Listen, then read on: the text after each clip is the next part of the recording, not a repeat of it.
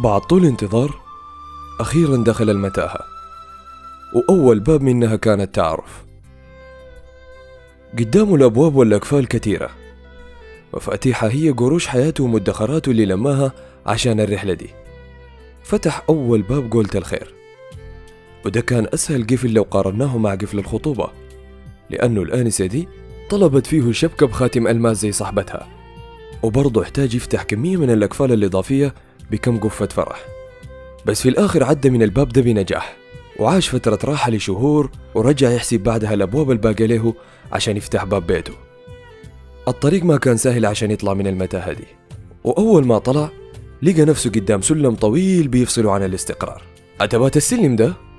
بتحتاج صرف مادي ونفسي كبير. من حنة وعقد وحفلة وجرتك. وخلال الرحلة الطويلة دي تلقاه مبسوط مع أهله وأصحابه. وفجأة لما يتذكر الوراه يشيل الهم تاني.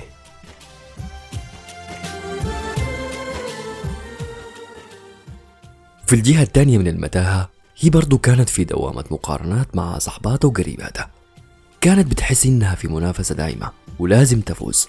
سد مال وذهب وفستان وشهر عسل.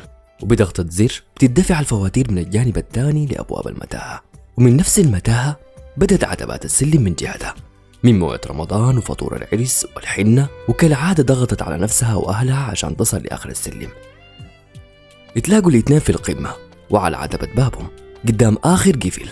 بس اتصدموا بإيجار البيت وغلاء المعيشة والديون وكثير كثير من الأحلام المؤجلة.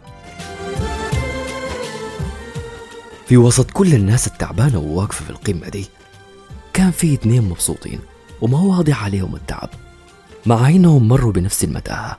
ولما سألوهم عن السبب كان جوابهم ببساطة إنه نحن في بداية المتاهة اخترنا باب جانبي مكتوب عليه اتزوجوا بالقليل وخلوا الباقي لبداية حياتكم.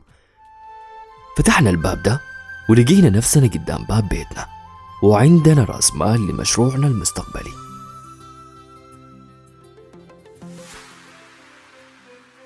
المتاهة اللي فاتت عكست جانب من عاداتنا في العرس.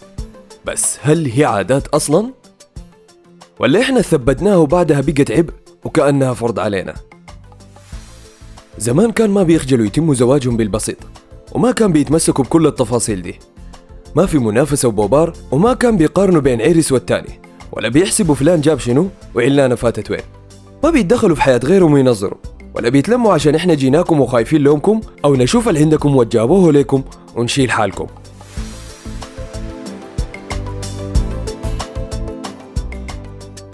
أيوة فعلا. أعراسنا بقت ضياع زمن ونفقات ما لها داعي ومجهود جسدي ونفسي كبير. وبقينا بدل ما نبني بيوت أساسها متين من أخلاق وحكمة وحسن تربية بقى همنا كيف نرضي الناس ونبهرهم. للأسف صورة العرس الحالية بقت مجرد تكاليف مفروضة علينا وما في معنى حقيقي للفرح. ولا حتى مقياس فعلي للعز والتقدير. كسرة. تختلف المسميات والصرف واحد.